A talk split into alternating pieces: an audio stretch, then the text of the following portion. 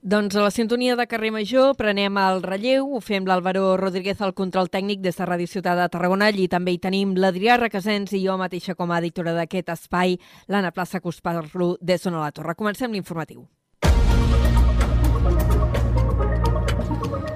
I avui la nostra notícia d'obertura és pel Fons de Transició Nuclear. Avui hem sabut algun detall més del seu repartiment, concretament que els 10 pobles de la zona Penta 1 també rebran els recursos extraordinaris del Fons de Transició Nuclear previstos per enguany. Ho ha decidit l'òrgan de govern del Fons de Transició Nuclear que s'ha reunit avui a Mora d'Ebre. Adrià, bona tarda. Bona tarda, Anna. Doncs concretament s'ha acordat que els recursos extraordinaris que es repartiran en guany arribaran també als 10 municipis del Penta 1 que en quedaven exclosos. Els diners sortiran del 50% dels fons que s'havien reservat per a projectes. El secretari d'Empresa i Competitivitat, Albert Castellanos, ha comunicat que les assignacions es faran al mes de juliol. La resta per projectes en guany, excepte aquelles quanties que vagin als municipis que estiguin a zona Penta 1 que rebran, i que no estiguin a cap a zona d'afectació Penta 2, que rebran una quantia igual al que reben els municipis de Penta 2. Llavors sobraran una sèrie de recursos, perquè això serà una petita part, eh, de la resta del 50%, que aquests sí que aniran per projectes i que començarem d'alguna manera a distribuir o a fixar els criteris en el pròxim òrgan de govern que s'ha fixat pel mes de juliol. La recaptació de l'impost nuclear d'enguany encara no s'ha quantificat ni tampoc la meitat que retornarà al territori a través dels fons. Una altra notícia de la jornada és que els funcionaris judicials han iniciat avui una vaga indefinida perquè els apugin el sou com els lletrats de justícia.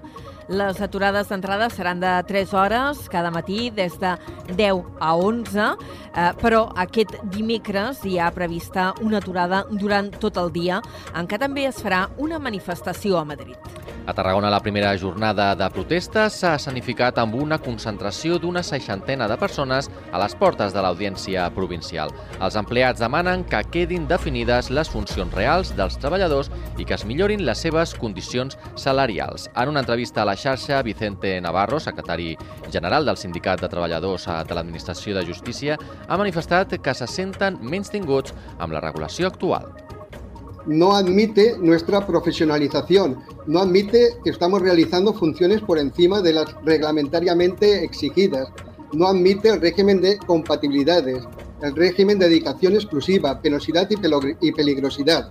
Por lo tanto, es la mayor bofetada en nuestra historia como colectivo Segons dades del Departament de Justícia, la primera jornada de vaga ha tingut un seguiment del 7,9 dels treballadors a Catalunya. En el cas de la demarcació de Tarragona, el seguiment ha estat superior i s'ha arribat al 15%. I ja que parlem de justícia, ho acabem de saber, l'Audiència de Tarragona ha condemnat a 22 anys i 6 mesos de presó l'home acusat de ruixar en gasolina la seva parella i calar-li foc a la Bisbal del Penedès l'any 2021. Segons ha avançat el diari de Tarragona, el jutge de la secció quarta l'ha condemnat per un delicte d'assassinat amb encarnissament amb l'agreujant d'abús d'autoritat i de parentiu. Canviem de qüestió, tornem a l'àmbit laboral, ara centrats en el sector primari. La veda de l'arrossegament ha arrencat avui a la demarcació de Tarragona. La secunden les confraries de Tarragona, Torredembarra, Cambrils, l'Ametlla i l'Ampolla. L'aturada biològica s'allargarà més de dos mesos fins a l'1 de juliol seguint directius europees. Des de la Cala Ràdio ens ho amplia la Laia Oltra. Les confraries de pescadors de l'Ametlla de Mar, l'Ampolla, Cambrils, Tarragona i Torredembarra mantenen els dos mesos i mig de parada biològica, tal com ja es va fer l'any passat.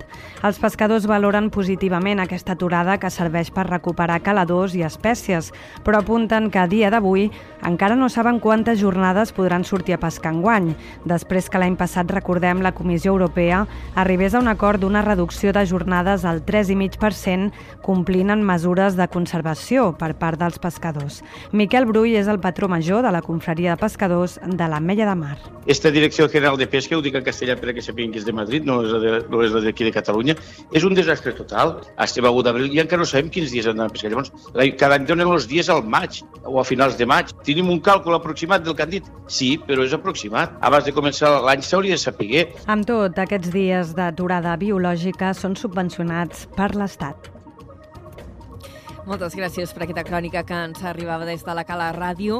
Parlem ara d'educació. Eh, recollim paraules del rector de la URB, de la Universitat Rovira i Virgili, en Josep Pallarès, que destaca la capacitat d'atracció de la Universitat Tarragonina. De fet, el 66% dels seus estudiants de màster procedeixen d'un altre centre. En una entrevista a Ràdio Ciutat de Tarragona, Pallarès també ha destacat l'increment d'alumnes de grau, el més gran del sistema universitari català. Ens ho amplia des de Ràdio Ciutat de Tarragona l'Àlvaro Rodríguez.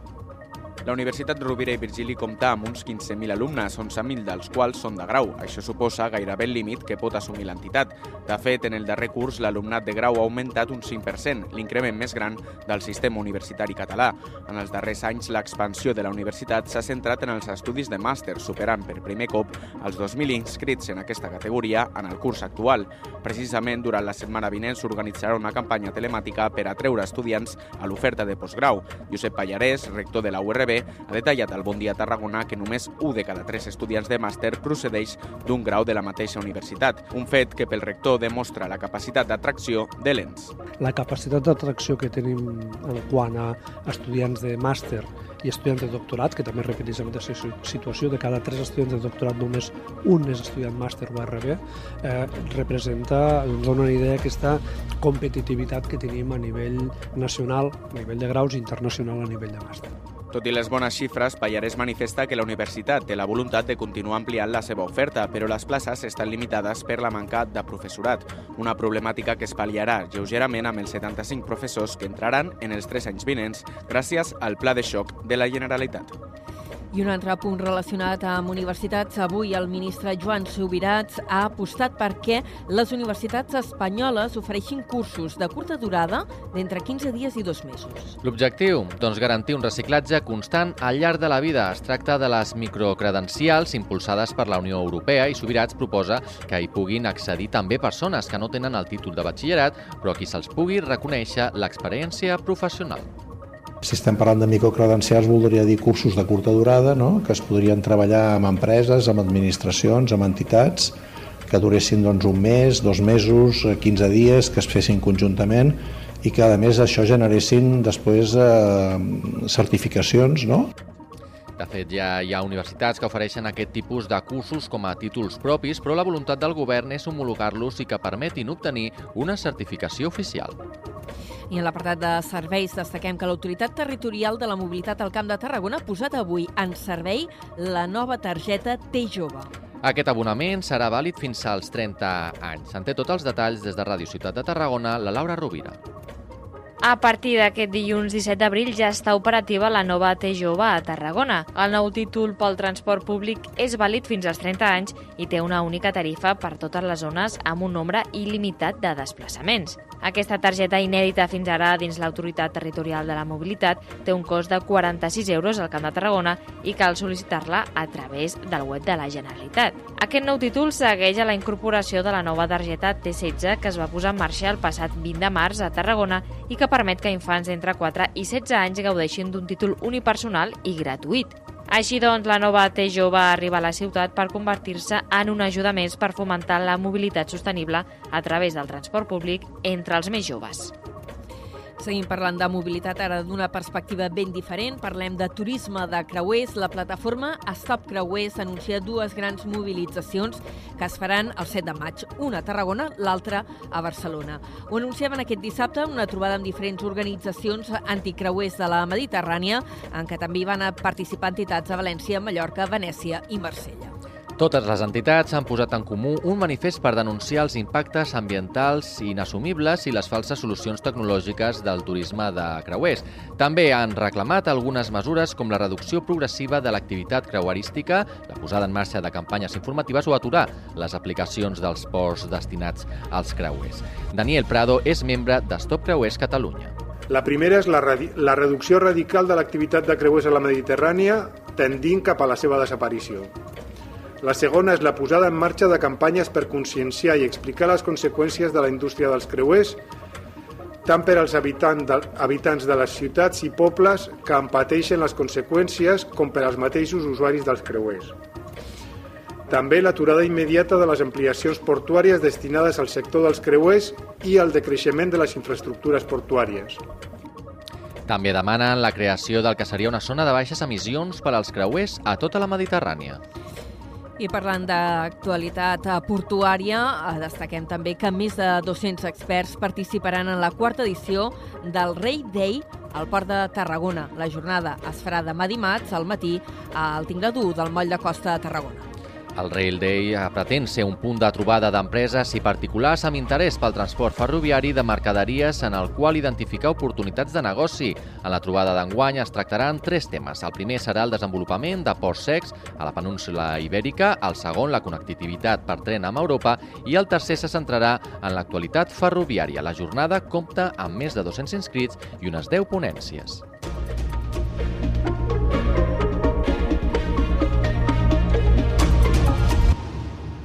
Menys de 3 minuts i seran, seran 3 quarts de 7 de la tarda.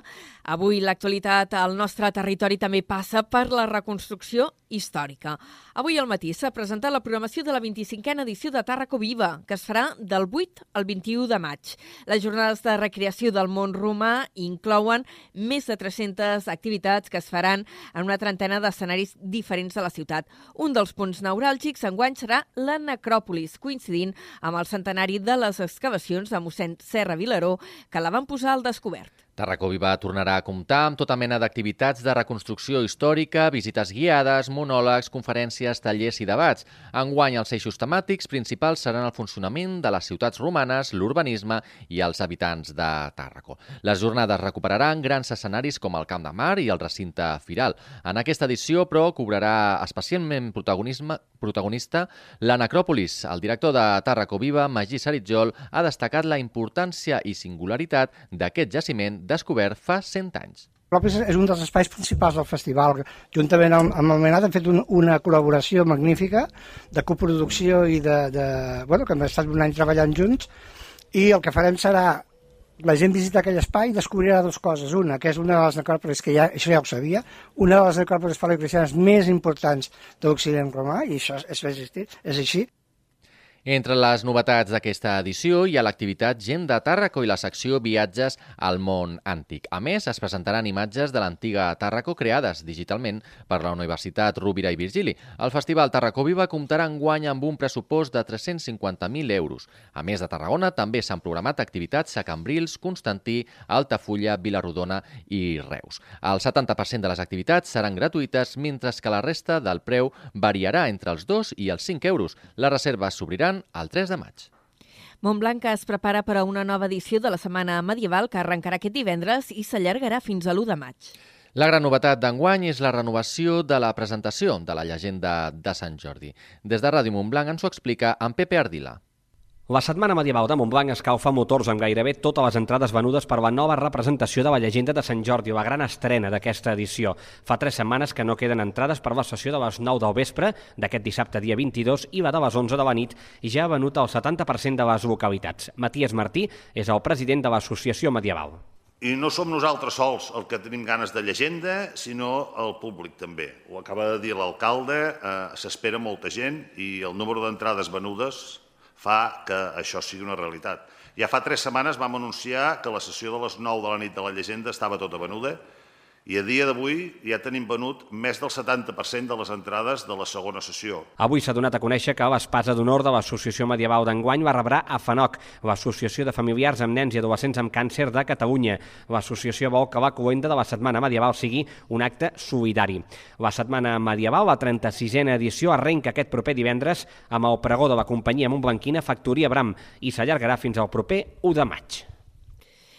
Tot això és el que vindrà, Tarraco Viva, també la Setmana Medieval de Montblanc, però aquest cap de setmana hi hem viscut unes altres jornades de reconstrucció històrica, que acaben de néixer, però que tenen voluntat de continuïtat. Es tracta de la festa modernista Reus 1900, que ha nascut enguany coincidint amb el centenari de l'arquitecte modernista Lluís Domènech i Montaner. Els organitzadors parlen d'èxit de participació. De fet, s'han exaurit gairebé totes les entrades. Ens ho amplia des de la nova ràdio de Reus, en David Fernández. Reus tenia ganes de reviure el modernisme i per això Reus 1900 Festa Modernista ha superat les expectatives previstes. S'han exaurit les entrades de les activitats plantejades i prop de 10.000 persones han participat en rutes, visites, tastos i tallers i en els espectacles a l'aire lliure, com ara el muntatge exclusiu de gran format de dissabte sobre la relació de i Montaner amb Reus. A banda, segons l'organització, la festa ha tret milers de persones d'arreu de Catalunya i de l'Estat que han assistit a la curada recreació plantejada a la plaça del Mercadal amb personatges de totes les classes socials representades. La codirectora de la festa, Sílvia Segalà, destaca la implicació de més de 50 entitats i empreses. Si la celebració ha estat un èxit, ha estat gràcies a la ciutadania, que se l'ha fet seva, se l'ha cregut, ha participat a la festa, s'ho ha passat bé. Per tant, volem agrair la feina de les entitats, de les empreses, dels patrocinadors i de tothom que ha fet possible que la plaça Mercadal fos una festa. L'any Domènec i Montaner ha estat l'excusa per engegar Reus 1900 Festa Modernista, una celebració impulsada per la Casa Navàs i organitzada amb Reus Promoció amb vocació de continuïtat. Moltes gràcies, David. I parlant encara d'història i de recuperació de la memòria, a Tarragona, que cap de setmana s'ha fet un homenatge a les víctimes de la repressió franquista a la ciutat. Va tenir lloc dissabte amb un acte a la fosa comuna que es conserva al cementiri i que tot just fa uns anys es va dignificar. A l'acte organitzat per l'Associació de Víctimes de la Repressió Franquista, amb el suport de l'Ajuntament, hi va assistir la consellera de Justícia, Drets i Memòria de la Generalitat, Gemma Ubassart. A la demarcació de Tarragona s'estima que a prop de 800 persones van morir víctimes d'aquesta repressió franquista. I en crònica de precampanya, el PSC de Tarragona es proposa atreure empreses tecnològiques al polígon francolí. El projecte plantejat pel cap de llista Rubén Viñuales passa pel trasllat de la CLH, des de Ràdio Ciutat de Tarragona ens en dona detalls l'Àlvaro Rodríguez. El PSC de Tarragona continua desgranant la seva precampanya posant el focus aquest cop en el polígon francolí. El pla dels socialistes per a aquest indret de la ciutat és crear un districte tecnològic a l'estil del 22 arroba. El projecte presentat per l'alcaldable socialista Rubén Viñuales implica fer fora d'aquest espai a l'empresa CLH, que van tirar enrere a l'anterior POUM. Segons explica Viñuales, l'empresa tindria ara intencions de fer efectiu el seu trasllat, oportunitat que el PSC vol aprofitar per atreure atreure grans i petites empreses de l'àmbit tecnològic. Vinyuales contempla en aquest barri la possibilitat d'atreure inversions com les del gegant japonès Itachi, així com donar lloc a l'ecosistema empresarial del territori. Aquí s'està generant un ecosistema fruit d'un col·lectiu liderat per Armand Bogart, que reuneix més de 200 petites o grans empreses, que aquesta és la gràcia, les sinergies que es poden generar. Això es diu crear aquest ecosistema, que és el pas previ que, per sort, el sector no, eh, privat, diguem-lo així, ja hi està treballant de, de fa temps. El PSC assegura que aquesta és una de les seves mesures estrella que pretén també unificar les dues voreres del riu a la ciutat. I entre les novetats eh, polítiques que ens arriben a aquesta precampanya hi ha la incursió d'una nova marca política a Torre d'Embarra. Es tracta d'Arapacte Local, que precisament aquesta mateixa tarda presenta la seva candidatura. Fa unes setmanes va confirmar que el cap de llista seria Jordi Sant Salvador, llicenciat en Psicologia amb una llarga trajectòria en el món de la docència i els mitjans de comunicació i vinculat políticament des de fa anys a l'espectre polític convergent. En declaracions a Ona la Torre, Sant Salvador ha exposat que centrarà en la campanya exclusivament a les necessitats del municipi les prioritats absolutes de, de, de, lo que és ara Torredembarra és els problemes i les necessitats dels torrencs. Eh, pensant que quan arribin les autonòmiques ja se'n parlarà dels temes autonòmics. En l'acte d'aquest eh, dilluns hi assistiran els caps de llista de Torre d'Embarra i Altafulla i també seran presents els líders nacionals del PDeCAT, Ara Catalunya i Convergents. Formacions que s'han unit de cara a aquestes eleccions municipals per presentar llistes conjuntes a uns 300 municipis de tot el país. I parlant d'aquest espectre de l'antiga Convergència, a la zona del Baix Gaià també hem de parlar d'una retirada política. Es tracta de l'actual regidor no adscrit d'Altafulla, Javier Rofes, que ha confirmat que no concorrerà en enquetes municipals. El representant del PDeCAT fa autocrítica i lamenta decisions preses en aquest mandat que han estat determinants en la seva deriva municipal. Des d'Altafulla Ràdio ens en dona més detalls la Carol Cubota. El regidor no escrit de l'Ajuntament d'Altafulla i representant del PDeCAT, Javier Rofas, s'apartarà de la política activa quan finalitzi el mandat actual. Rofas ho ha anunciat oficialment aquest dilluns en una entrevista a Altafulla Ràdio, en què ha valorat el conjunt de factors que assegura l'han portat a prendre aquesta decisió molt reflexionada. La possibilitat doncs, de tancar un acord amb Ara Altafulla per conformar ara pacte local que és la marca d'àmbit nacional que inclou la formació municipalista i el PDeCAT, queda totalment descartada, ja que ha dit no comparteixen projecte polític. Torna a ser un altre plantejament híbrid, en aquest cas amb un altre grup municipal totalment diferent a nosaltres, que en aquest cas és ara Altafulla. Jo necessito un període de reflexió profund, perquè no em puc permetre el luxe de tornar a fer fallit un altre projecte polític en l'àmbit local. No? D'altra banda, Rofas lamenta que la moció de censura contra l'esquerra independentista no va complir amb les expectatives que van motivar el seu vot afirmatiu. Igualment, es penedeix de la moció per reprovar el portaveu de l'EINA i aleshores coalcalde Jordi Molinera, a qui ha demanat disculpes. I en crònica local i parlant d'inversió pública, Aigües de Reus ha iniciat avui dilluns diverses obres de renovació i reparació a la xarxa de subministrament d'aigua en diversos indrets de la ciutat. Al carrer Closa de Mestre, per exemple, se substituiran 100 metres de canonada amb una inversió de 48.000 euros. D'altra banda, s'instal·laran tres nous encreuaments a la xarxa dels carrers Doctor Ferran, Passeig Sunyer i Riera de Miró. En aquest cas, el pressupost supera els 74.000 euros. A més, Aigües de Reus també ha iniciat les obres per a la construcció d'un bypass a l'edifici de sortida de l'estació potabilitzadora d'aigua potable per millorar la gestió de la planta i la qualitat de l'aigua tractada. La inversió és de 135.000 euros. Aquestes obres a la depuradora duraran dos mesos i no afectaran el servei. I tancarem aquest bloc de l'informatiu amb una nova parada a Torredembarra, on avui hi ha arribat el Volobús, la iniciativa de la Fundació Maldita és per combatre la desinformació i les notícies falses. Al matí hi ha hagut una carpa informativa al centre del poble i a la tarda s'ha representat l'obra Que no té la Cuelen amb la narració de la periodista Julio Autero. El Volobús és una campanya d'alfabetització mediàtica que compta amb el suport de Google News Infinite Infin Initiative. Està pensada especialment per ajudar les persones grans a reconèixer notícies falses i possibles estafes que circulen per internet i les xarxes socials. Marina Lacalle és la responsable de comunicació i la integral de l'equip educatiu de Maldita.es. Siempre respirar, contar hasta 10 y vamos a pensar y vamos a preguntarnos ¿Quién dice este mensaje? A nosotros nos, lo puede enviar un, amigo, un, un, familiar, alguien en quien nosotros confiemos, pero ¿de dónde ha salido esta información? Vamos a buscar un poco eh, cuál es la fuente. ¿Cuándo se ha dicho? Porque hay bulos y hay timos que durante un tiempo duermen, eh, pero de repente se vuelven a reactivar. El Bulobús recorrerà durant les properes setmanes una vintena de localitats petites i mitjanes de tota la geografia espanyola. Torredembarra és l'únic municipi català on farà parada.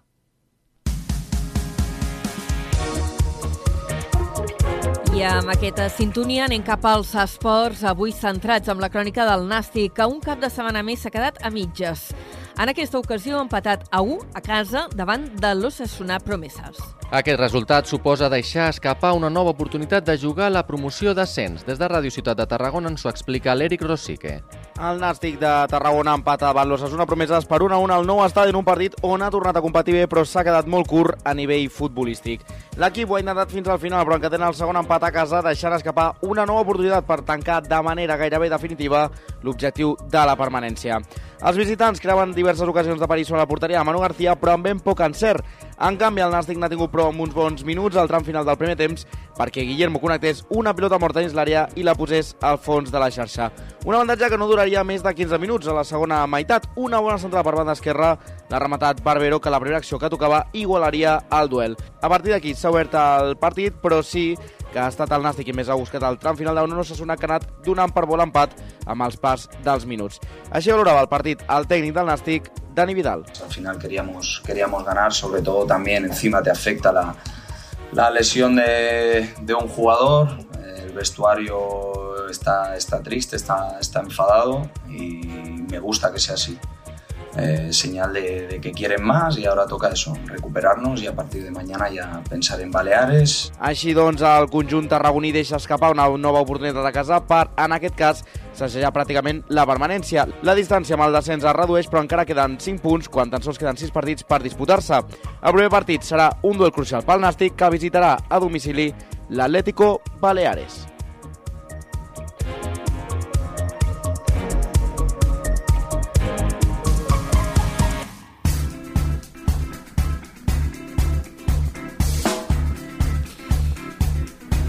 Tancarem aquesta edició informativa avui dins del programa Carrer Major, el programa de les emissores del Camp de Tarragona, explicant-vos que el Teatre Bertrina de Reus acollirà Versal Cançoner, l'acte de cluenda de l'any de l'obra del cançoner popular de Catalunya.